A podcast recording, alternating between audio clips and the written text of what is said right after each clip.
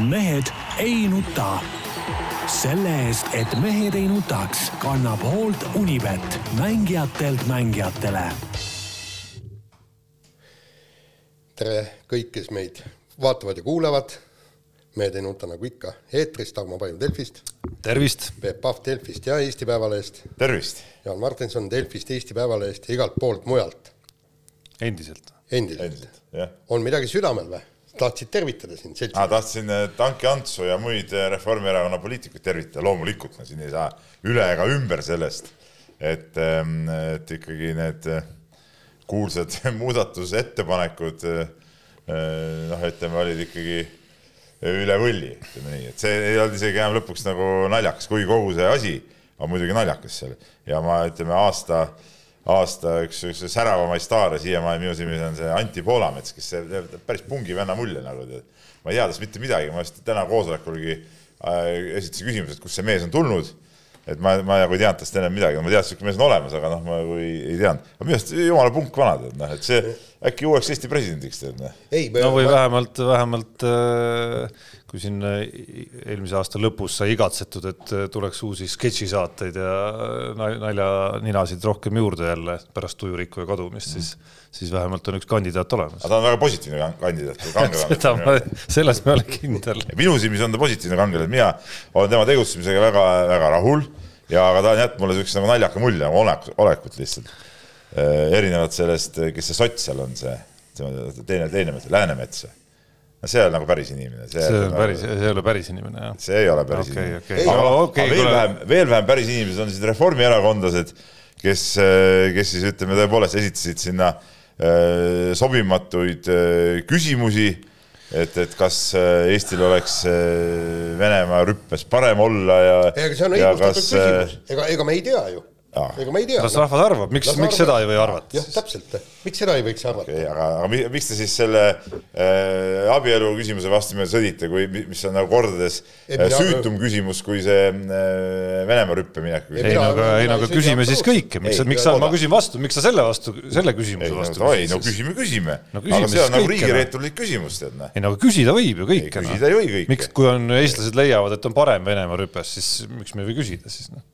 kuule Eesti on suveräänne riik. okei okay,, Peep, sa saad aru, no, aru, et sa ajad ju rumalat juttu. kuule, Peep, no sa saad aru, et sa ajad ise ka lõpuks rumalat juttu, lepime kokku, et see kõik on siiski nagu üks suur tsirkus seal, noh, alustades kogu ideest kuni lõpuni välja, et see, see asi võiks nagu ära lõppeda ja ma loodan, et see võimalikult kiiresti kaob nagu pildilt ära ka kogu see teema, et, et tegeleda võiks nagu päris teemadega. selles suhtes ma sinuga kokku lepin nagu... et ma ei ole nõus, et see, et see algusest peale kogu see asi, et tsirkus, et see on nagu opositsiooni poolt tsirkuseks eh, muudetud lihtsalt. no ma arvan, et me jääme siin eriarvamusele. No. ja liigume parem edasi selle teemaga, et eh, rõõmustame selle üle, et lund on õues rõõmustame selle üle, et saab suusatada ja kõigepealt me rõõmustame just hommikul välja minnes, kui on vaja auto jälle välja kaevata. no kaevata ei ole see küll midagi, ütleme, ma ei tea, pettu, ma läksin hommiku, enne hommikusööki läksin õue, panin auto käima ja siis, kui ma olin hommikusöögis ära söönud, eh, hakkasin ära minema, siis auto oli niimoodi ära sulanud, ma pidin isegi harja nagu välja võtma, et aknad puhastada. praegu ei ole hullu, ei praegu ei ole. selle ajaga oli kõik, kõik lumi auto pealt ära sulanud. praegu ei ole hullu mitte midagi, praegu naudi ainult seda, et äh, ma arvan, et eelolevaks nädalavahetuseks on rajad juba, juba päris korralikud, ainult Jaani-suguseid. oled suusarajal juba käinud? ainult ja oled, oled tallamas käinud? oled tallamas käinud ja, ja tahaks, kui, kui kedagi tahaks manitseda, siis kõiki neid, kes ei ole aru saanud, et suusarajal võiks nagu tallamise ära lõpetada, et teie jalajäljed lihtsalt rikuvad neid suusaradu. ja ta Keilas tegi küll, ütleme, rajameister äh, Raido Notton, tervitan siin, siinkohal teda, tore, tore mees ja asjalik, asjalik mees, tegi küll niimoodi, et jalakäijatel oleks seal kõrval nagu jalgskäigurada ka olemas aga eile ikkagi ma üksikuid jalajälgi sealt eh, tuvastasin, siis ma sõidu ajal ka mõtlesin, et kui näeks kedagi, siis küll udiks natuke selle suusakepiga üle turja, tead noh, et, et no, mida kurat, et noh. Eriti tahaks tervitada veel äh, siin nädalavahetusel Kõrvemaal oli kaks meest, kes jooksid ühe suusatava naise järel ja siis nendest jäid järele veel noh joostes. No,. millised jäljed sealt veel järele jäid ma ei tea, mis, miks, miks ta järel joosta oli vaja, aga. noh, ei tea, ma olen näiteks igal pool olümpiatel, MK-etappidel käinud, seal on küll suusarada nii tugev, et sa saad seal rahulikult joosta ja kõik see on ikka tugevaks tambitud. aga igast eh, tuleb välja, et igast tüübid käivad suusatamas täna hommikul enne koosolekut eh, tahtsin, tahtsin natuke nöökida meie eh, uudistetoimetuse juhi Mihkel Tamme kallal küsimusega, et noh, oled suusatamas ka käinud. ostis värskelt suusad. sai vastuseks viis korda juba. eelmine nädal ostis suusad ja peab ütlema ja see on väga meeliülendav tegelikult, mõnes mõttes oli nagu natukene raskeks tegi enda elu, kui laupäeva õhtul sai poes käidud, et ka abikaasale suusad osta. aga päriselt näiteks ühes päris suures ketis noh, nagu defitsiit oli käes. kus sa käisid? Rademaris no ikka seal, nojah, ei no Rademäe no, võiks küll olla nagu, nagu väga suur on ju, et, et, et rahvas ongi suusatarvetest poed peaaegu tühjaks ostnud juba. no eks see koroona kindlasti aitab kaasa. ma tean muidugi paremaid suusapoode ka kui ja see, et, ja see, et eelmisel talvel noh, talv jäi ju vahele sisuliselt. aga täna ma viin suusad eh, muuseas hoolduses, sest et eh, eile nagu ei olnud nagu head lippamist, nagu kehva oli nagu.. aga äkki oli asi, asi milleski, mis suuskade pealpool oli, mitte allpool? laupäeval näiteks lippas suht okeilt aga eile nagu ütleme, värske lume peal ei olnud nagu head, head, kas sul oli hea lipe või?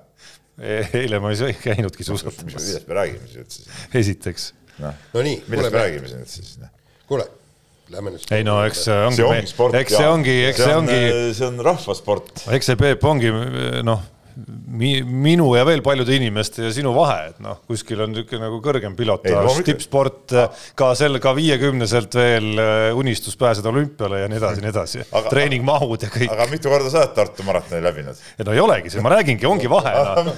ei, isegi Jaan saab siin käsi laiutada. ma ju räägingi, seda ma üritangi väita, Peep, selles ongi see vahe noh no. kuskil on tippsport ja kuskil on niisugune noh, kakerdamine. aga kuidas, kuidas sa seal madalal kakerdades ennast äh, tunned muidu? sest vaata õige mees, mida pidi elu jooksul tegema, kui ta tahab ennast meheks pidada, eks. üks on ehitama maja või ja. vähemalt muretsema maja, üles kasvatama poja, need tingimused on äh, Tarmol täidetud ja kolmandaks läbima Tartu maratoni. ja, ja, ja enne nagu ütleme jah, ütleme, no teab, kui Tartu maraton pole läbitud, siis sa ei saa, ütleme, järgmisi etappe teha, sest sa ei saa nagu naist enam võtta. ma ei tea, kuidas sa üldse naise said võtta, jälle peame ja peame proua poole pöörduma, et milles, milles nüüd küsimus oli, et kas see oli mingi lihtsalt halastuseks või halastusabielu või, või kuidas niimoodi sai minna? no vot, teil on see võimalus. Uurima asuda seda, et tore, et teil on, eriti mul on hea meel sinu üle, et sul tekib kogu selle ekrenduse asemel mingi fookus läheb kuskile mujale, vaata vahepeal, see, see teeb Eesti elu ka paremaks. ja, ja kusjuures nüüd peab igal, igal pool ankeetides ja, ja seal panna, kui on sugu, on ju, pole Tartu maratoni läbinud ja teisi tingimusi täitnud, siis on sootu, peab seal olema kast, et sinna. no ma ikka ootan, ma tean, et ma vallandan siin mingisuguse laviini muidugi kohe, aga ootan ikkagi seda, et eh, tegelikult võiks Tartu maratoni üle aasta teha, kord klassika, kord vabastiilis, aga siit läheme edasi õigete teemadega. no lähme õigete teemadega. sest sellest võiksid mehed rääkida siin veel pool tundi. aga minu arust, kui ma õieti, kas ma mäletan õigesti, et mingid aastad sõideti vabatehnikas Tartu maratoni või? kui see uisusamm nagu hakkas tulema, vaata siis ei olnud ju nii kindlaid reegleid veel. Ja minu arust, kas siis, kas siis ütleme alg-, mul, mul nagu midagi nagu meenub, et kas, kas on sõidetud, ma võin eksida, Indrek Kelk kindlasti teaks va,. vahepeal oli ju see, et, et ühesõnaga sa ei pidanud sõitma klassikat, sa no oligi ainult sõitsid, kuidas tahtsid. jaa, aga noh, see on muidugi rüvetamine. ei, ma saan aru, seda vastust ma oleks võinud ette öelda juba ja. ka, aga sa aga... mäletad need ajad, kui oli see äh, klassika jälg oli sees ja ühe jala jaa, ühe kõrvale veel, see oli alguses niimoodi, et jah, siis ühe jala lükkasid kõrvale. see, ütleme sa sõidad siiamaani niimoodi? sa sõidad siiamaani nii? noh, muidugi sa ei sõida või? ma ei saa üldse aru, miks sa, miks sa inimesena, kes ikkagi nagu hindab kõike klassikalist, miks sa üldse nagu vahel vabas stiilis sõidad? päris ausalt ütles, ma praegu eh, olengi sõitnud vabasti no., aga see on selleks, et see on üldise põhja ladumiseks, et pärast oleks nagu eh, klassikalises stiilis, see on treeningmeetod. see on selgrootus. ei, see on treeningmeetod, ütleme nii. nii, kuule, aga okei okay,, lähme nüüd teemade juurde, et äh.... ma vahepeal, ma viimase ütlen, ma vahepeal käin ka ütleme klassika väljas ainult paarist tõuget ilma pidamiseta, no nii nagu päris mehed panevad, jah. nii, pühapäeva õhtul. käed on võimsad, kui ma lähen hüppan õhku ja siis ah, lendan niimoodi. No ma ei tea, ma endiselt jääb segaseks, miks seda määret sulle sinna vaja on suuskade alla. või sa pigem lähed nagu just, et oleks libiseks kehvemini, paned, paned pidamismäärde nagu üleni suusa alla, keskele paned libisemismääret sinna pidamisalale ja no sa teed nagu vastupidi, trenni pärast lihtsalt. trenni pärast saab ikka higi lahti. see oleks äge eksperiment, kutsu Delfi TV kaamerad ka kohale. Peep sõidab, nii et on vastupidi okay, okay, pandud pidamis- okay, ja libisemismäära. paneks mõne päris suusataja niimoodi sõitma ja siis äh, ütleme, mingi mees on, vend on seal kõrval ja paneb rahulikult mööda ja siis siis näiteks kilp seal higistab seal ise no vot, väljakutse Aivar Rehemale siin, suur duell Peep Pahv versus Marko Kilp. Äh, määrded on vahetuses lihtsalt ja, ja vaatame, kes peale jääb. Avalik üleskutse. nii, ühesõnaga räägime käsipallist, et äh, pühapäeva, pühapäeva õhtul oli, oli äge mäng, tähendab ägeda lõpuga mäng oli. ja, ja hakkame nüüd ikka otsast peale, sa ei saa see sissejuhatusega hakkama. No.. kõige ägedam mäng oli loomulikult kolmapäeval. see oli ka meie eelmise saate järel ja hakkame sealt pihta, ütleme ütleme nii nagu äh, ma kuulsin äh, Kalev Kruusi ühes jalgpalli podcast'is vist rääkimas, kuidas see oli viimaste ütleme aegade Eesti spordi üks sihuke emotsionaalsemaid ja kõvemaid asju, siis no kahe käega nõus, oligi vägev. ainuke asi, mis puudu oli, siis see publiku puudumine sealt, et ma kujutan ette Põlvas, kui see mäng oleks saanud nagu veel täismajas, nagu seal ikka vahest on olnud koondise mängud, siis oleks seal see efekt veel kümnekordne, aga see oli ikkagi vägev, mina olin seal kohapeal ja nägin, ma nägin tõesti, kuidas kuidas meeskond, kus ütleme, need tavapärased liidrid olid puudu, eks ole, ütleme seal see sisemine tuhk ja see, see, see emotsioon oli nagu selline, et, et ainuüksi selle pealt pandi ära, ütleme, tasemelt endast võib-olla ikkagi, kui võtta üks-ühe vastu mehed kõvemate, kõvemale võistkonnale. ja väga vägev oli see ja noh, enam ei saa ka öelda, et äh, kõik liidrid puudu on, kui Karl Toomi näol on ikkagi viimase aastaga eriti koondise tasemel, ma mõtlen, kerkinud nagu selline vedaja ikkagi sinna pilti, et noh, ilma sellise kujuta, noh, oleks keeruline ükskõik millise ja. tuhhi pealt, ma arvan, äh, võita, võita seda mängu ja noh, mängida tervet, tegelikult tervet tsüklit ju kenasti, et ega eelmises eel,, eelmises aknas Saksamaa ja Austria mängud olid ju ka täiesti positiivsed mängud, mis siis, et ei võidetud.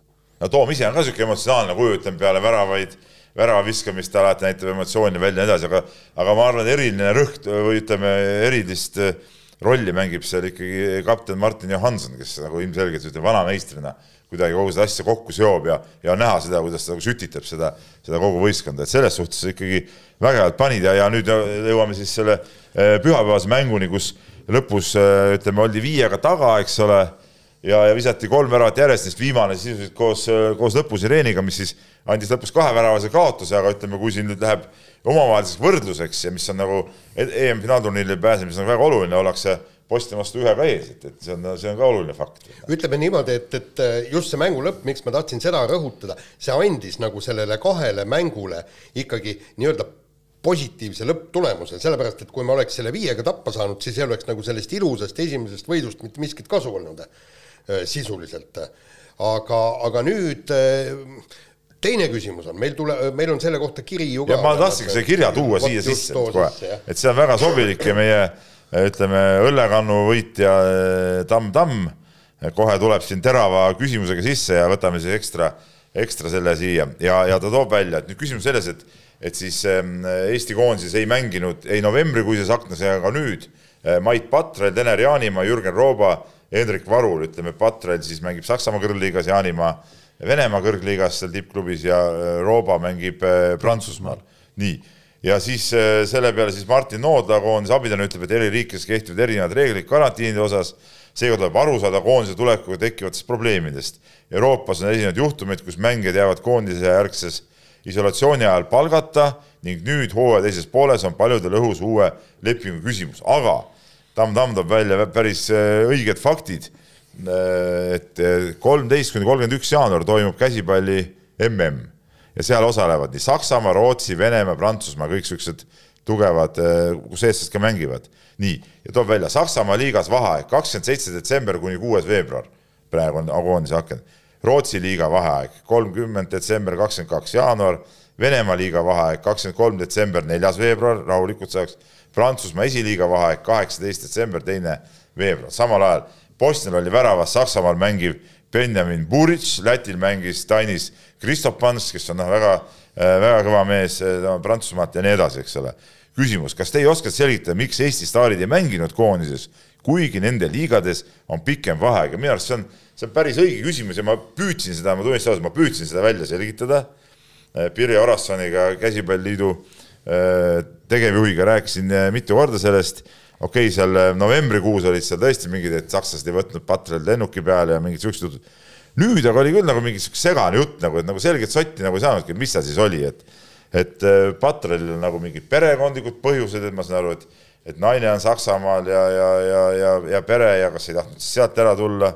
no ma ei tea, Jaanimaal mis seal siis Venemaal saab olla, no praegu Venemaa vahet Kalev Cramo ka käib ju, no saab reisida küll, et seda ja kui niisugune paus on ka, no siis ei saa olla mingit, mingit asja, et ei lasta ära, sama asi Prantsusmaalt, et et ega siis nagu selget vastust nagu ei olegi tegelikult. no ma nüüd lugejana ootaksin võib-olla mitte Pirjo Orassonilt selle küsimust, vaid äh, meestelt endalt selle küsimust, et, et mis lood seal igaühel siis taga on, et, et jah. Ma üritasin siis, kui ma tegin nagu seda. ja, ja aga no aga, aga ka praegu ja, on need ja, küsimused ja. täiesti asjakohased, et, et luge-, lugedes just sinu enda tänast äh, artiklit, äh, kus Karl Toom vist ütles, et nüüd Austria vastu, no ei, Karl Toom ei öelnud seda, Karl Toom ütles seda, et, et kui me oleks võitnud selle Bosnia teise mängu yeah., siis me sisuliselt edasi. oleks saanud ju edasi, onju.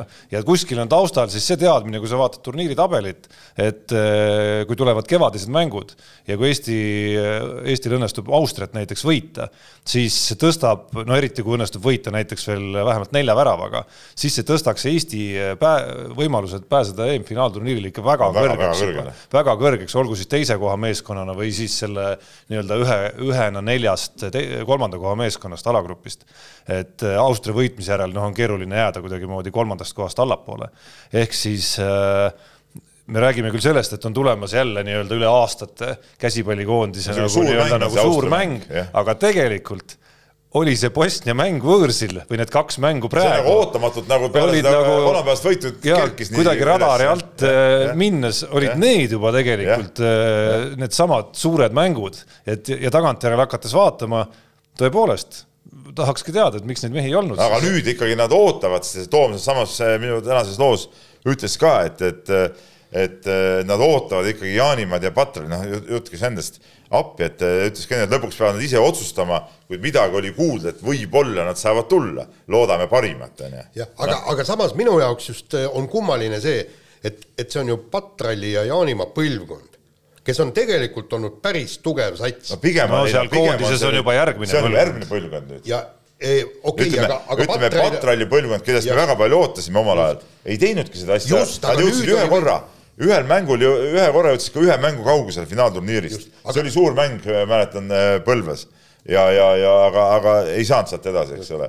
ja, ja, ja kõik, eks ole, seda ära ei tehtud. just, aga, aga nüüd oli võimalus, nüüd tule ja pane oma siis sellele nii-öelda põlvkonna karjäärile, pane see värvikas punkt ära, nägid, me tegime ja, seda. pigem, pigem ma arvan, et see oli see küsimus, et ega ma tunnistan ka ma ise näiteks niimoodi natuke vaatlejana, et või mis vaatlejana, noh, ütleme käsipalli ikka natuke jälgid, eks ole.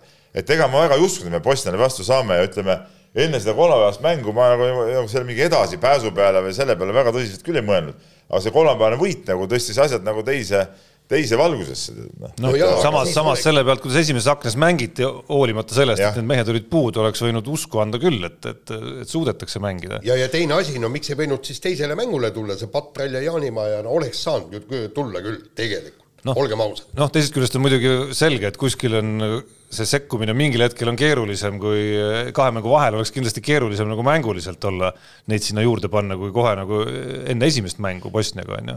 et suur... see, et see, et see dilemma on tegelikult ju mõnes mõttes, me teame suuri koondisi, no sama Venemaa korvpallikoondis on hea näide, vaata, kus mm -hmm. enne viimast akent ju koosseis oli nagu koos olnud mõnda aega ja siis tekkis võimalus seal paar staari veel äh, tippklubidest ju juurde saada ja peatreener ütles et mul ei ole vaja neid mehi tegelikult, et me, meil on nii hea nende meestega, kes meil olemas on ja noh, noh, esiteks ta sai muidugi lubada seda sellepärast, et nende meeste tase ongi enam-vähem ühtlane ka.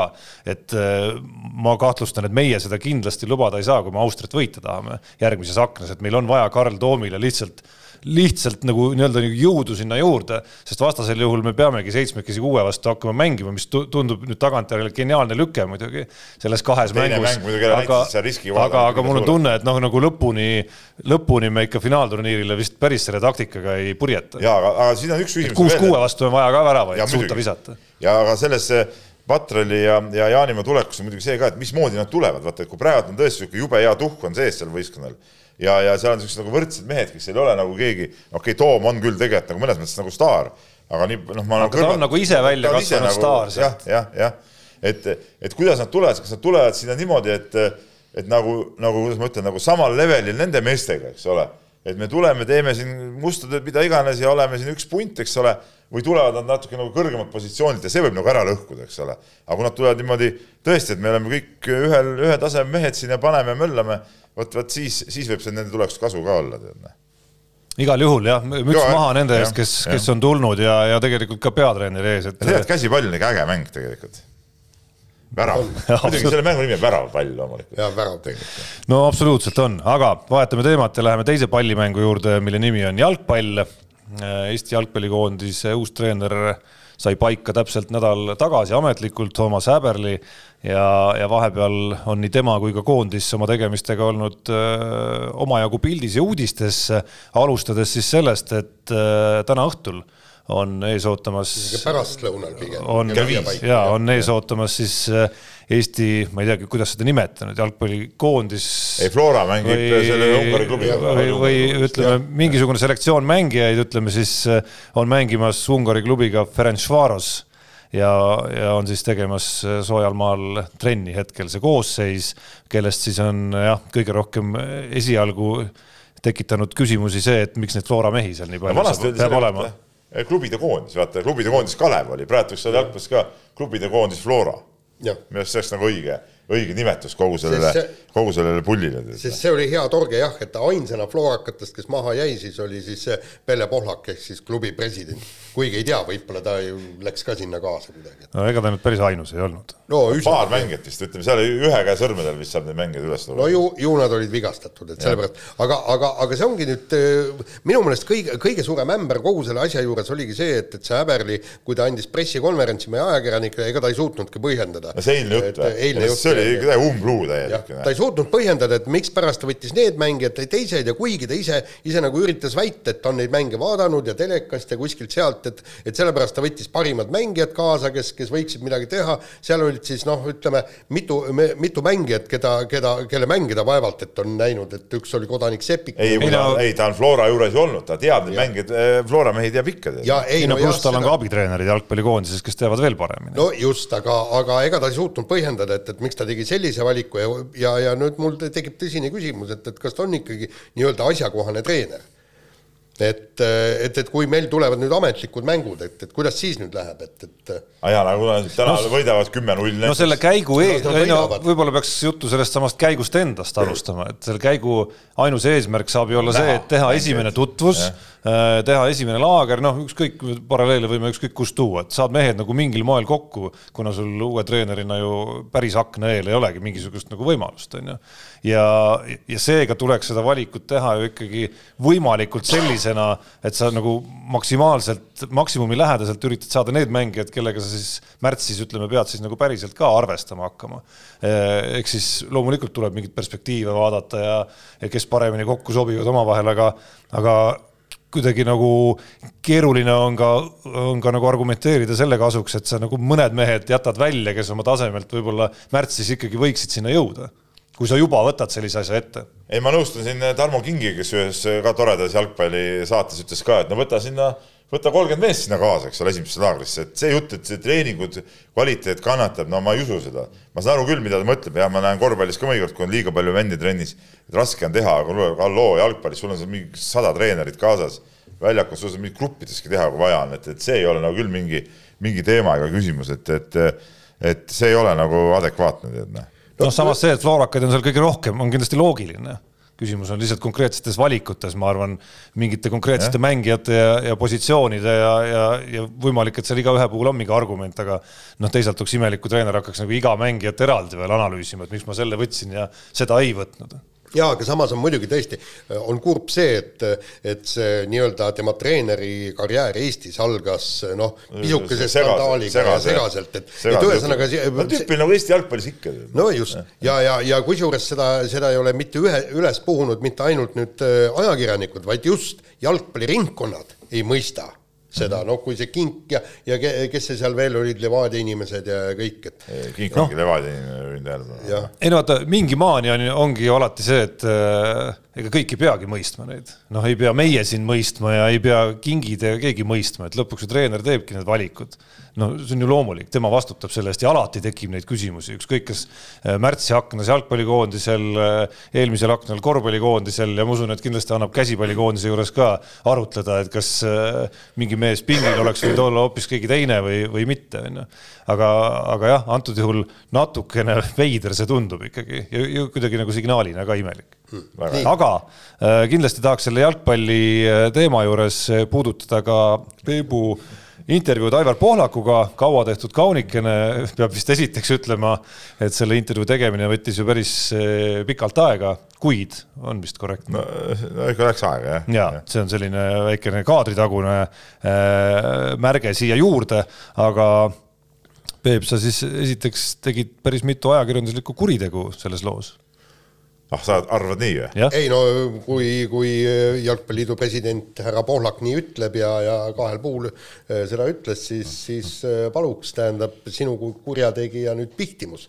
et kuidas sa siis niimoodi läksid niisuguste teravate küsimustega, sa, sa ikka ei, ei näe seda suurt pilti ja ei, ei saa ikkagi sellest ei, küsimused ei olnud nagu teravad, küsimused olid täitsa, täitsa rahulikud, äh, oleks võinud veel teravamaks keerata, võib-olla siin ma näen veel kohti, kus, kus saab ja tulebki veel peale keerata neid asju aga mm, jah, ma ütleme, mul on advokaat on iga, igaks juhuks nagu palgatud, et, et, et kui tõesti tullakse arreteerima, et siis vähemalt noh, ma ise ei ütle ühtegi sõna, et lasen advokaadil rääkida. jaa, aga samas oli see noh, küllaltki niisugune märgiline intervjuu, kui sa hakkad seda nii punkt punktilt analüüsima ja noh, mul oli siin ka juba kümneid küsimusi, eks mõtlesin, et noh, praegu seda taotakse seda jalgpalli eest ja tagant, et, et ma praegu vähemalt jätan selle kommentaari kirjutamata, aga mul oli seal noh, nagu mitmeid asju, et ma noh, näiteks toon ühe, ühe, ühe asja, et, et, et me räägime mingisugusest Saksamaa kultuuriruumist, kuhu me tahame siseneda ja, ja, ja kõik muu niisugune, et, et mul on eluaegne küsimus, eks, et, et millises siis kultuuriruumis on Islandi jalgpall, kus, kus on kolmsada tuhat elanikku ja kes mängib MM-finaalturniiril. Nad mängivad ehedat Islandi jalgpalli ja seda on muide ka mitmed jalgpallieksperdid öelnud ja seda ütles ju see Roman Nubakivi ka, mängime Eesti jalgpalli, just niisugust mängu, nagu meile sobib, eks et teine asi on see eesmärkide püstitamiseks, püstitamisest, eks, et, et me oleme püstitanud eesmärgid jõuda finaalturniirile, me pole jõudnud. ja siis selle peale Pohlak ütleb, et liiga suured eesmärgid on olnud, et, et ühesõnaga me tõmbame nüüd tagasi selle, neid eesmärke. nojah, aga Jaan, aga vaat sa oled ka piisavalt vana mees juba, me mäletame üheksakümnendaid juba, kui see jalgpalli hakati siin Eestis arendama arust kogu aeg räägitud sellest, et kuidas me nüüd peame jõudma finaalturniirile no,, finaalturniirile, Pohlak ise rääkis seda, ütleb välja nagu, et polegi nagu midagi. ja, ja, ja tehke mulle selgeks, kuidas siis Lätil kes, kes on olnud EM-finaalturniiril ja Islandil, kes on olnud finaalturniiridel, kas siis nemad võtavad ka nagu väiksemad eesmärgid? ei, eesmärk peabki olema see, see on suur eesmärk, mille poole pürgida ja, ja lõpetage see jutt, Jalgpalliliidu asi ei ole teha sotsiaaltööd. ehk siis noh, nagu noortele sinna pakkuda võimalust, see on klubide, omavalitsuste ülesanne. Eesti Jalgpalliliidu asi on arendada jalgpalli tipptasemel ja, ja, ja teha võimalikult tugev, tugev meeskond mis, mis, ma korra hüppan teisele teemale või algusesse tagasi tegelikult, mis puudutab neid ajakirjanduslikke kuritegusid nii-öelda, millest me siin pool, pool naljatlemisi siia teemasse nagu sisse läksime. et need olid Aivar Pohlaku enda laused ja need puudutasid, puudutasid siis Peebu küsimusi selle kohta, et A, esimene kuritegu oli siis see, mis puudutab seda, et, et Aivar Pohlaku roll alaliidus on selline, kus noh, põhimõtteliselt üks mees käseb, poob ja laseb ja otsustab põhimõtteliselt ka seda, kes koondises väljakule jooksevad ja, ja teine küsimus oli siis nii-öelda Flora ja Jalgpalliliidu nii-öelda seotus, et et noh, ajakirjanduslik kuritegu kuriteoks, ma nii palju ütleks nii-öelda siis nagu vastu, Peep, sulle või Aivar Pohlaku poolt, et ega siin nagu ongi, mulle tundub ka legendi natuke rohkem kui nagu päriselt mingeid reaalseid fakte, et kus ja kuidas siis Pohlak on näiteks koondise koosseisu mõjutanud, ma ei ole kuskilt lugeda saanud, nagu fakte päriselt. ei no Pohlak ühes lauses ütles, et, et meil olid hoopis teised mehed, teistest meestest oli juttu, vaata. kas tule-, jaa, ma ootaks, et tuleks üks treener, kasvõi näiteks endine treener, endine treener koondises ja räägiks, kuidas see siis päriselt käis. No seni asi... on see ikkagi selline nagu legendi tasemel. Flora kasu, no ma ei tea. ja see käseb,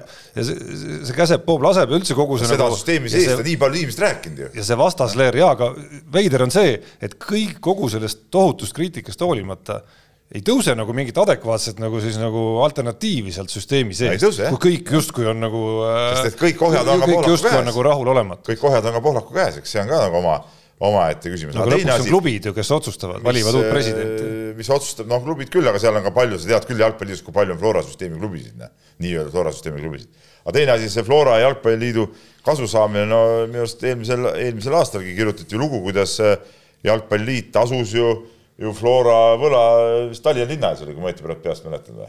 Jaan, sa mäletad seda? ei, kahjuks ja, mitte, no Soccer.net kirjutas sellest ka ja, ja no seal oli nagu mingid, mingeid asju, aga no ütleme, selgitusi nendele asjadele ei, ei tulnud. ja, ja teine asi on see, et, et küsida võib, ega see ei ole kuritegu küsida ja selle peale ütledki, et, et vastadki noh, kui, kui niisuguseid teravaid ja, ja küsimusi ei no ma ütlen, minu arust Aivar Poolakul on selles mõttes õigus, et äh, küsida võib, aga küsimusel peaks ka nagu faktid taga olema, on ju, et see ongi see, et sul on konkreetne fakt ja siis sa küsid, on ju. aga ajakirjanikuna sa tead ju ise, et, et teinekord sul on fakt käes, aga sa ei saa seda ka nimetada, siis ütledki, räägitakse ette ja palun vasta sellele. aga huvitavam osa minu arust tuleb ikkagi selle nagu, nagu põhiarutelu juurde, et, et miks siis, miks siis nii on umbes läinud, on ju, et ja kas see nii-öelda põhjendus või mis on nüüd nagu nii-öelda valitsevaks saanud viimase aasta jooksul, see, kuidas oli auk seal noormängijate arendamises ja klubides miskipärast töö vajus vahepeal ära, et kas see on nüüd kuidagi nagu tagantjärele tekkinud selline arusaam või, või nagu hea versioon, mida nagu rääkida,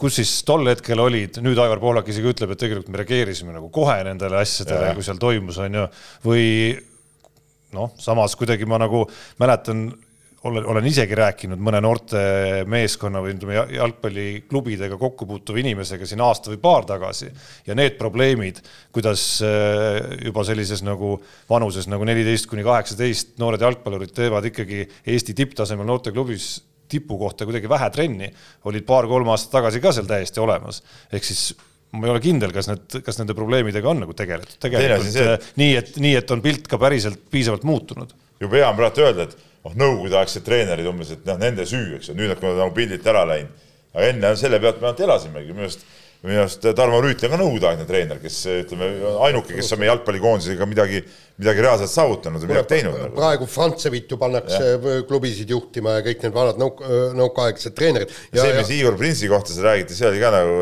kummaline, mis, mis ühes ja. varasemas intervjuus välja tuli, eks ole, see on ajuvaba jutt. ja, ja, ja, ja minu meelest on see ikkagi täiesti ebaloogiline, et, et, et meil kogu selle massi peale, sest see jalgpallitrennides käib ju mass noori et ei ole mitte ühtegi talenti pärast Klaavanit ja enne siis äh, Jakob Heina, kes, kes nüüd on Arsenalis, aga äh, Hein ei ole veel, veel ju näidanud, et ta ei ole ju no ta veel ei ole mitte keegi. ta, ta ei ole veel mitte keegi, et see on ebaloogiline, et meil ei ole mitte öö, olnud ühtegi talenti kes oleks võinud mängida siis äh, viies suures äh, kõrgliigas, no Dunjov oli ta Itaalias pisteliselt sai, sai platsile, eks, aga temagi on kasvanud ju väljaspoolt. nii, me oleme pikalt arutanud, meil on huvitavaid punkte veel tulemas ja vahepeal teeme väikse rallipõike, et Jaan Martinson siin närib küüsi hommikust õhtuni, et kas äh, tuleb sõita Monte Carlo rallile või mitte ja ega, ega meil veel selget vastust ju sellele ei ole, kas Monte Carlo ralli toimub või ei toimu, et ta peaks toimuma siis eh, jaanuari viimane nädalavahetus, eks ole. no ilmselt ta toimub, aga see, aga selles mõttes on ta ikkagi väga kummaliselt, et ühesõnaga see noh, Prantsusmaa noh, kõigepealt kogu asja point on see, et, et Monaco autoklubi, kes seda rallit läbi viib, pidi olema nii suure mõjuvõimuga, et ta suudab painutada siis isegi Prantsusmaa valitsust, eks, kes, kes äh, andis lahke loa, et, et palun meie poolest võite rallit sõita, aga las siis kohalikud omavalitsused võtavad vastu selle viimase otsuse. nüüd siis, et, et, et saaks need M-Sport tiimiga äh, tulla Inglismaalt Prantsusmaale, mis on ka raskendatud. jällegi äh,, Monaco autoklubi on seal pabereid ajanud ja asju ajanud ja suure tõenäosusega see ralli toimub, aga seda nüüd öeldakse kas täna või homme äh, lõplikult, sellepärast et juba vaikselt hakatakse seal ralliparki juba üles, äh, üles panema, tiimid teevad äh, viimaseid teste Nad ei kasutaks neid testipäevi ära. Monte Car-, nii-öelda Monte Carlo oludes sõitmiseks, kui rallit ei toimuks. mul on nagu kaugemalt vaadates jääb küsimus, et, et kus see nagu probleem nii suur üldse on, et spordielu Prantsusmaal ju käib, jalgpalli ei, mängitakse, korvpalli mängitakse. probleem on ju see liikumispiirang. Teatud kellaajast Prantsusmaal, seal piirkonnas ei tohi liikuda ja see oli alguses kella kaheksast, pärast toodi kella kuueks, aga, aga sa ei saa ju sisse, et kell kuus oleks kõik juba oma nii-öelda hotellitoas nuku taga, sa pead rallipäeva lõpetama ära, ma ei tea, kell kaks juba umbes, eks ole, et seal, seal on pikad ülesõidud, seal on ju hooldusajad, no seal ei saa, sa ei saa niimoodi. see on see ajaline piirang on üks põhiline. ja kusjuures huvitav on see, et, et alumist öö, otsa öö, lubati nagu õgvendada, ehk siis kella kuueni on ju need, see komandanditund on kella kuueni, aga rallipargist sõidavad autod välja juba mingi mingi mõni minut pärast kella viit, mis tähendab seda, et nad umbes kella neljast juba ärkavad ja hakkavad noh, kõik need mehaanikud ja tiimijuhid ja sõitjad hakkavad hotellidest tulema, et et altpoolt sai nagu õgvendada, aga ülevalt mitte. ja, ja siin on nüüd küsimus meile, ma ei mäleta, kes see, kes see iganes meil see poliitik ütles või, või, või see äh, Tanel Kiik äkki ütles, et Eesti inimesed ei mõistaks, kui me viiksime sisse komandanditunni. Prantsusmaal ei ole mingit probleemi, kõik saavad väga täpselt aru, suured piirkonnad, kell kuus, tänavad tühjad, inimesed liikuda ei tohi. ma saan aru, et sa tahad meile komandandi tundi no,. Õnneks Jaanikene, meil on koroonanumbrid nagu ilmselgelt kukkumistrendis, meil ei ole komandandi tarvis. et ei ole vaja, aga ma lihtsalt tahtsin öelda, et kui on vaja, küll ei siis no. inimesed mõistavad. nada tak nada, noh. no täpselt no,, jah. siis on nii. nii, nii.. võtame nii. siis järgmise võtame, teema võtame, ja Tallinn Kalev, äh, no ühesõnaga juhatage ise sisse, et äh, aga ma räägin. sa ei saa nüüd hakkama juhatada, ühesõnaga Tallinna Kalev TLÜ korvpallimeeskond vahetas lõpuks peatreeneri välja, ehk siis Martin Müürsepp äh, taandus abitreeneriks ja asemele astus Valdo Lips.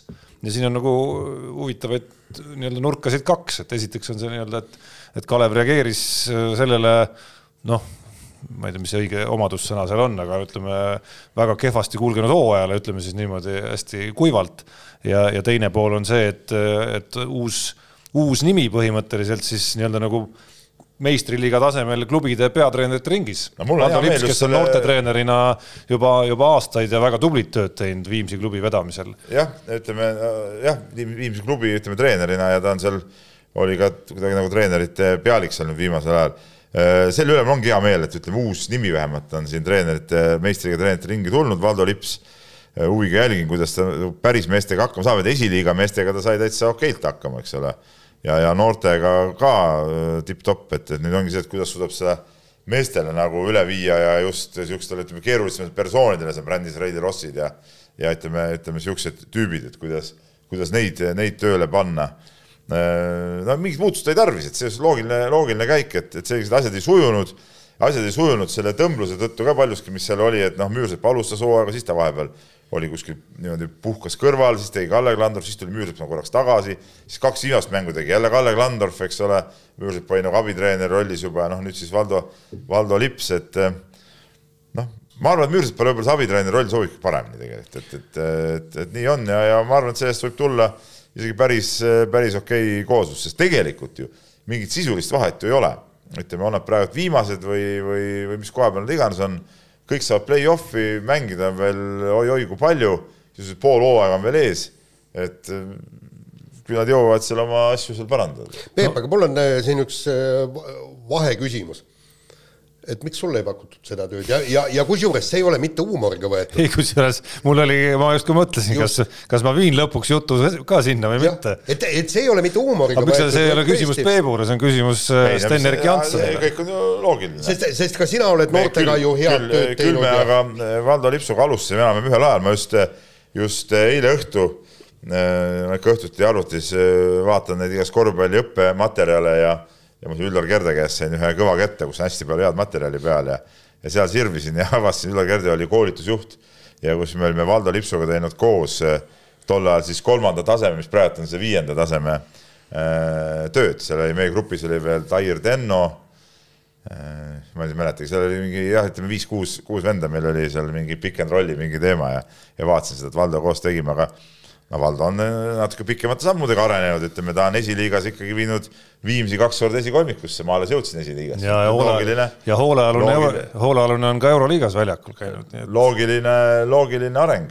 Äh, sa mõtled nüüd Raiest, et Raiest, Raiest ta on kindlasti, ta on, äh, ta on üks, üks, üks tema treeneritest on olnud ka Valdo. ei muidugi, ta on Lipsu all mänginud ka, et seal ma nüüd praegu ei julge pead anda, et kas ta alustas Tanel Einaste all või, või, või oli ta kohe Lipsu all, et et, et on jah, ei muidugi, ei, selles suhtes tipp-topp. Ja ma arvan, et äh, küll äh, tuleb ka. küll tuleb see päev, küll tuleb see päev, aga ma, ma tahtsin lihtsalt siia selle teema lõpetuseks öelda, et ma loodan, et, et selle vangerduse käigus äh, noh, kasvõi Valdo Lipsu enda initsiatiivil kuidagi räägiti ka kogu see klubi või meeskonna juhtimise nagu kogu ahel natukene selgemaks seal, kus kus ei tekiks olukordi, kus, millest on ju räägitud palju ja on ka Martin Müürsepp ei ole saladust teinud sellest, et mingitel juhtudel on mingid mängijad tulnud nii, et tema ei ole justkui nagu toonudki neid või, või oma, need ei ole nagu tema initsiatiivil tulnud sinna ja, ja seesama case, Kristo Saage on sellest näiteks podcast'is rääkinud, kus nii-öelda riidlemise funktsiooni täitis Kalle Klandorf hoopis mingitel hetkedel,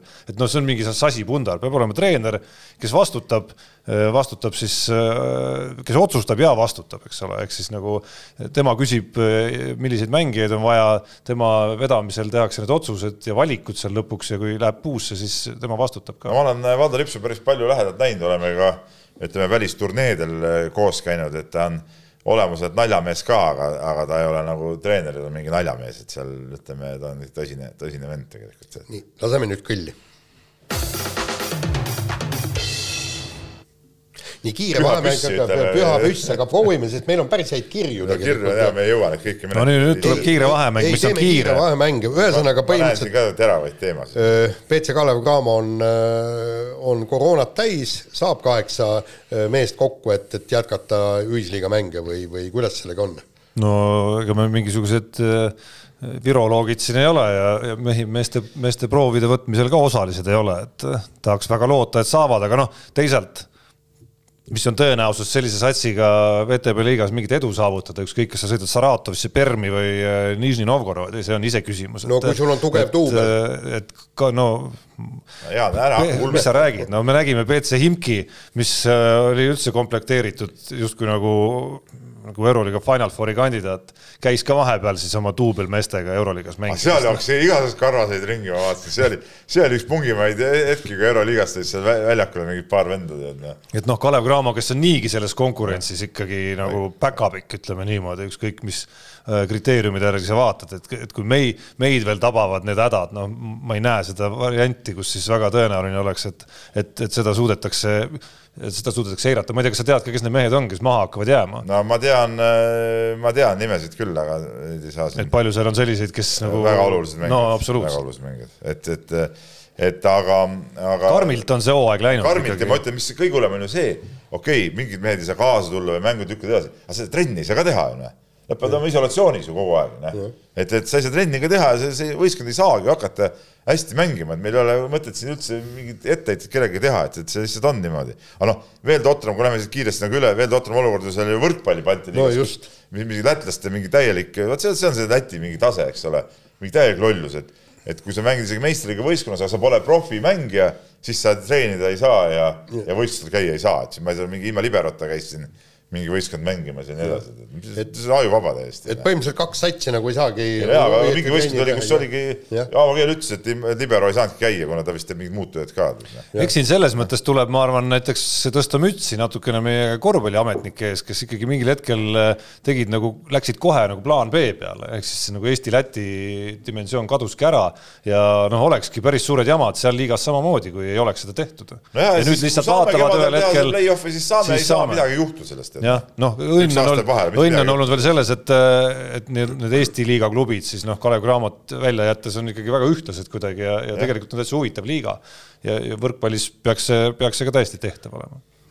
vahetame teemat, Aivar Rehemaa on võtnud äh, päris teravalt sõna, mis siin salata Eesti suusatajate, sealhulgas laskesuusatajate aadressil, kes tema sõnul teevad liiga vähe trenni.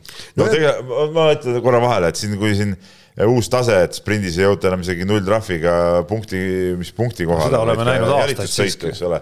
no ega kui me räägime Rene Sahtnast, siis ta ju seletas, ma käisin nüüd, nüüd rohkem kui nädal tagasi seal laskeosa estikatel ka ja ta seletas ära, et noh, vastupidi, ta tegi nagu liiga palju trenni, noh. tegi nagu üle selle, üle selle mõistliku enesetunde, noh, et see ongi, siin kõrvalt on hea öelda, et võib-olla teete vähe trenni ja võib-olla teevadki mõned vähe trenni, võib-olla suvel kuskilt lasti järgi ja nii edasi, see on nagu teine asi. aga ütleme, mingil hetkel jälle ei osatud seda koormust kõigist reguleerida ja, ja sellega tõmmati hoopis kinni. ja vaata, seal on tegelikult see probleem, et äh, no uurisin just seda, et, et Vene, Vene meessuusatajad võtsid ju, tegid puhta töö tuurde, tuurde skiil ja kõik natukene uurisin tausta ka, et lihtsalt asi on, asi on selles, et nad on suutnud nooruses laduda niivõrd kõva põhja et nad saavadki, nad jõuavadki teha märgatavalt rohkem trenni. Ja, ja äh, nagu, nagu ütles ka Rehemaa nagu, soomlased äh, tõid välja, Venemaa koondis on üksteist äh, kuud laagris aastas. Et põhimõtteliselt nad laagerdavadki kogu aeg, nad teevadki kõvasti trenni. seesama Aleksandr Boltšanov, kes võitis Tour de Ski teist aastat järjest ja on üks maailma andekamaid suusatajaid neljateistaastaselt läks, läks kodukülast minema, lõpetas kooli ära põrgu, mul seda ei ole vaja, ma tahan saada suusatajaks, läks suusakeskusse ja hakkaski trenni lõhkuma neljateistaastasest peale.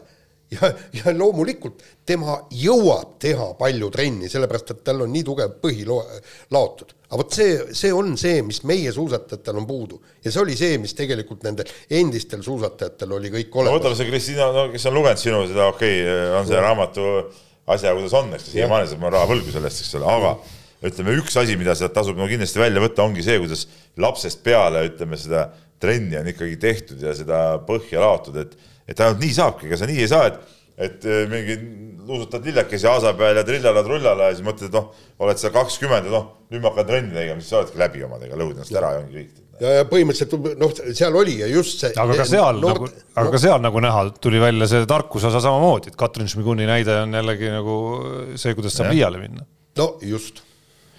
nii, aga äh, asjad on hapud äh, Eesti korvpallikoondislastel Siim-Sander Venel hooajal, hooaeg läbi vigastuse tõttu tuleb minna ilmselt operatsioonilavale ja Kristjan Kitsingul ka põlveoperatsioon kui Kitsingu vigastus nii hull ei ole, ta oli vist meniks, kui ma praegu õieti mäletan. Äh, jaa, aga ütleme, et äh, kui ma meenutan meie eelmise nädala enda artiklit, siis oli jutt, et vist täna peaks tal olema operatsioon, eeldatav taastumisaeg üks kuu äh, koondise aken on veebruari lõpus. ma, ma ei, mina mõtlen neid mõtteid ainult praegu koondise mõttes ja et noh, Siim-Sander Venest me oleme igal juhul ilma, kas Kristjan Kitsing, ütleme siis eeldatav kuu lõpeb siis kaksteist veebruar, umbes kaks nädalat on seal siis puhvrit vahel veel. sinna klubi teda kindlasti ei lase. no see tundub väga ebatõenäoline, et, et tal oleks võimalik tulla ja ohverdada, ohverdada oma klubikarjääri. esi-, no esimene küsimärk on, kas ta üldse tervekski saab ja see kuu ja, ei ole ju kuskil, see ei ole mingi matemaatika. selle peale ei ole üldse mõelnud, ma mõtlesin praegu üldse nagu mehe enda karjääri peale ja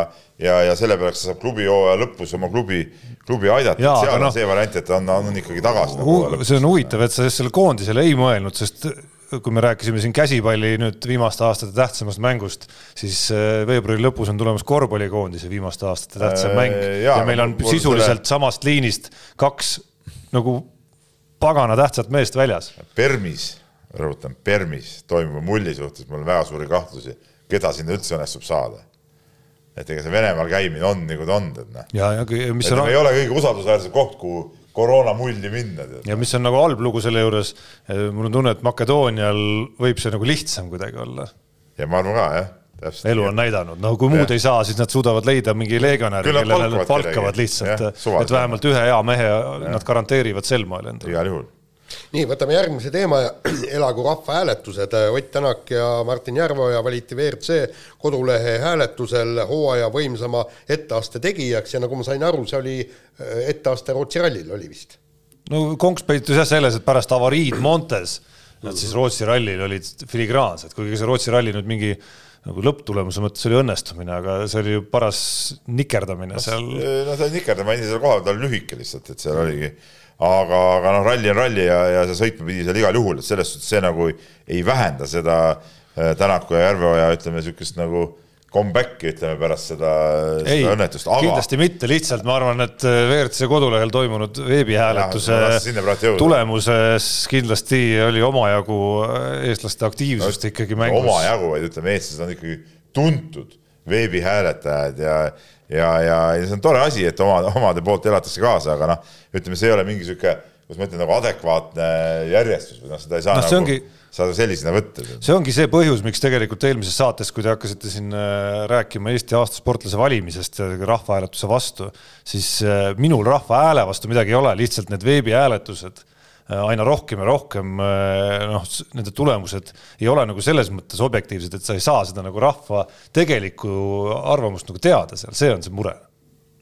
Tarmo ei ole rahva hääle vastu midagi. Kui... tuleme nüüd tagasi meie sa... saate algteemade juurde ja meenutame sinu üldisi põhimõtteid ütleme siin poliitmaastikul, eks ole, siis siin nagu ei, ei, see, see, see vastuolu ju absoluutselt puudub siin antud juhul vastuolu, aga ärme lähe praegu sinna. ei, ei, no see, on, see oli väike, see oli väike, ütleme, sõbralik torge. ei, ei, siin ei ole nagu torke üldse nagu mõtet. kuidas sul, ütleme, kampsuni peal väike vereplekike nagu tekkis ikkagi sellest torkest. jaa, raudselt, et, et lihtsalt ma ei näe neid, ma näen nendel hääletustel kogu aeg mingisuguseid kampaaniaid, mingeid, mingeid aktsioone, kus on, kus on mingid ringkonnad suudetud paremini käivitada ja, ja nii edasi ja nii edasi, lihtsalt see on see probleem. sellepärast ma, ma olen täitsa kindel, eks, et kui me paneme äh, selle nii-öelda parima sportlase rahvahääletusele, siis leidub neid kogukondi, kes suudavad mõjutada seda tegelikku tulemust. jah nii, aga kiire vahemängu lõpetuseks, noh, Peep, kas võtad sõnad tagasi, sinu kirjutatud Lamelo pool äh, saab NBA-s päris hästi hakkama. no kuule ei võta loomulikult tagasi, sest see naeruväärsus, naeruväärsus, mis valitseb NBA-s. kolmikduubel, Peep. no kuule, seal võib igaüks kolmikduublit. igaüks ei tee kolmikduubleid, eriti veel nii noorelt. see on naeruväärne, mis see NBA üldse on ja siin ei ole midagi isegi rääkida, kui, kui Lamelo poolisuused teevad seda kolmikduublit, seda naeruväärsemaks see kogu seda liigat teeb lihtsalt. no kas mõni sinu hoolealune teeks seal triple double'i, ei teeks, kas sinu mõni hoolealune teeks seal kolmikduubli? minu mõni hoolealune, okei okay Lamelo poolil on mingid looduslikud anded, aga see, kuidas ta mängib, ei ole ju korvpall, see on ju selge. aga NBA-sse sobibki no just selline see, mees. sellepärast mind see NBA ei huvitagi, noh. alles siis okei okay,, hakkavad oma play-off'i mängima, siis ma kindlasti mõnda mängu vaatan, vaatan praegu ka vahest mõnda, aga no ma ei suuda ühtegi mängu pole suutnud seal niimoodi huviga vaatama jääda, no see, see ei ole nagu reaalne asi lihtsalt, noh, see on nagu lihtsalt mingi, mingi, mingi plähmerdamine, tead, noh. ja nii on lihtsalt. nii. laseme pilli Unibetis saab tasuta vaadata aastas enam kui viiekümne tuhande mängu otseülekannet. seda isegi mobiilis ja tahvelarvutis. Unibet, mängijatelt mängijatele. aga see on huvitav reklaam kus need otseülekanded seal on, ma ei näe. kusjuures vastu on absoluutselt olemas, kusjuures täna näeb Unibetis otseülekandes ka Eesti jalgpallikoondise Ferencvarose kohtumist näiteks. kui sa oled registreeritud kasutaja ja ja, ja logid sisse, ei, ma olen isegi vaadanud sealt. Mingeid Hispaania liiga mänge, kui ma siin Unibet aasta TV, lõpus panustasin, siis, siis äh, sealt ma vaatasin, kuidas parasjagu seisud on ja, ja, nagu otsepildis. ja, ja seal oli, mis huvitav asi oli veel, et, et sa ei, sa ei tea niimoodi, et nagu, nagu sa paned live, tähendab see, et sa valid nagu mängu ja siis seal on live-panused jooksevad ka, et sa saad nagu laivis neid. aa, ei ma, ma pole isegi tähele pannud, kus, ma praegu ei üldse. aga kusjuures. seal on eraldi alajaotus täitsa. jaa, aga seal on selles mõttes on jama, et, et seal on ainult teatud mängud. ja ei, muidugi seal ei ole kõik, et spordimaailma jooksva nii-öelda liikuva pildi õigust on ikkagi üsna üsna, üsna omaette temaatika, aga meil algab siis tänasest äh, uus aasta ennustusvõistlus, reeglid on samad, kolmsada eurot algsumma. Äh, loodame, et selle suurendamist aasta jooksul vaja ei lähe, nagu läks esimesel meie võistlusaastal, kui siin mõnel mehel said kontod täitsa tühjaks. Jaan alustab siis võimsa tiitlikaitsjana, järgmiseks nädalaks võib-olla on selge ka see, kellele täpselt siis Jaani eelmisel aastal äh, Äh, meie Unibeti ennustusvõistluses võidetud seitsesada eurot kopikatega Just. Äh, läheb, täpsemalt läheb. see läheb paljulapselisele perele, aga praegu veel ei ole teada, kellele ja, ja millisel eesmärgil. et sellest räägime siis järgmisel nädalal lähemalt. Äh, siia ütleme lihtsalt ära, et Unibeti mehed ei nuta eripanus sel nädalal puudutab korvpalli Euroliigat ja see on siis Kaunas ja Žalgirise võimendatud võidukoefitsient ehk siis viis koma null. palun väga neli, neli pool vist on see nii-öelda tava, tavakoefitsient, aga mehed ei nuta eripanusena ja on ja. natukene, on natukene kõrgem. noh, paned kolmsada euri peale no, ma mõtlesingi, et kas võtame mingid kohustused ka, kolme tuhande peale peaks ajama siis selle summa. räägib räägib mees, kes mõlemal senisel ennustusaastal on, ütleme siis jõudnud kuskile nullilähedase tulemuseni. see oli lõpus, mul oli tarvis meeleheite panus. ka esimesel aastal oli see nii. siis mul oli vaja teha ka meeleheite panus. nii, aga kirjad nii kirju on palju ja alustame kõigepealt Antsu, meie vana hea sõbra kirjast ja, ja ta siin ka Aivar Pohlaku temaatikat eh, lahkab ja, ja tal tekkis selline teooria, et et kas teile tundub, et Pohlaku põhjendused jalgpalli viimase aja allakäigust on lihtsalt mõttekonstruktsioon, mees istus maha, vaatas arvutist andmeid ja siis mõtles välja teooria, kuidas nõukogudeaegsed treenerid vahetasid noore, vahetusid eh, noore põlvkonnaga, kes mingil hetkel ei olnud veel piisavalt vanad ja siis tekkis eh, üheksakümmend, üheksakümmend viis sündinute juhendamisse auk, et see on puhtalt tagantjärele spekulatsioon ja sellel pole tegelikkusega midagi ühist. ja siis Ants ütleb, et, et öelge see lause saates välja, et Pohlak, ütle, et sa kukkusid läbi.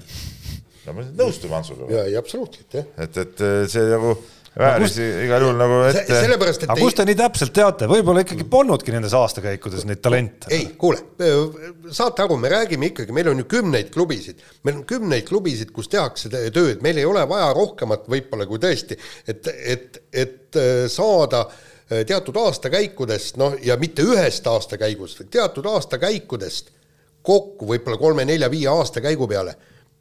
Kümme väga head mängijat ja, ja, ja kui me nüüd ütleme niimoodi, et meil ei olnud ühel hetkel mitte ühtegi treenerit, noortetreenerit Eestis, kes oleks võimeline head mängijat äh, üles kasvatama, eks, no see, see ei olnud nii ju. see ei olnud nii, et kõik, ainult noored treenerid tulid, kel teadmisi ei olnud. olid ka vanemaid treenereid, seal põhjus peitub kuskil mujal nii, ja Kokapoiss. Äh, see võib ka, ma segan, see võib ka üks põhjus olla, et need olidki kehvemad aastakäigud. Kokapoiss kirjutab meile, mul tuleb see kohe meelde vist toredat filmi, mida ma siin hiljuti vaatasin, kus oli golfipoiss, oli üks paha, paha tegelane. ära ostmata. ära ostmata, jah. see kokapoiss ka äkki on ka mingi maffia, maffiamees hoopis tuleb välja. nii, aga ta kirjutab meile siis niimoodi, et ka lähme jalgpalliga edasi. rääkisite treeneritest, kes võiksid Eesti koondist esindada ja välismaalaste materdamisega olen igati nõus, küll aga tunneks huvi, kui palju ja mida oskate öelda sellise mehe kohta nagu Argo Arbeiter ja kaua mehed pakuvad, et uus treener meil ametis on Argo Arbeitrit, ma tean, mõned inimesed on väga kiitnud treenerina tegelikult ja minu arust on üks väheseid treenereid, kes praegu töötab välismaal või Soomes. ei, tuli tagasi. tuli tagasi nüüd jah, jah. et, et eh, midagi puudu. ma mäletan seda, et ta mingis mängus oli neli väravat, kui ta veel Eesti koondises mängis, oli vist ju, tema lõi ju. jällegi. jällegi, ma loodan, ma nüüd ei, ei pannud puusse, aga. ei, aga kindlasti, tähendab, ma, ma arvan. Fääri saarte või kedagi vastu. aga, aga siin ongi kogu, kogu see jutt, et, et me, et meil need treenerid saaksid ikkagi öö, tõusta nagu pildile ka väljaspool Flora süsteemi, et ei oleks jälle a la äh, Igor Printsi juhtum, juhtumeid, kui, kui venda nagu tõrjutakse ja, ja öeldakse, et ta ei ole ikka päris, päris hea treener. no mina ja kaua uus treener ametis mina pakun välja, et see uus peatreener ei püsi tsükli lõpuni oi, püsib ikka. ma arvan küll, et püsib.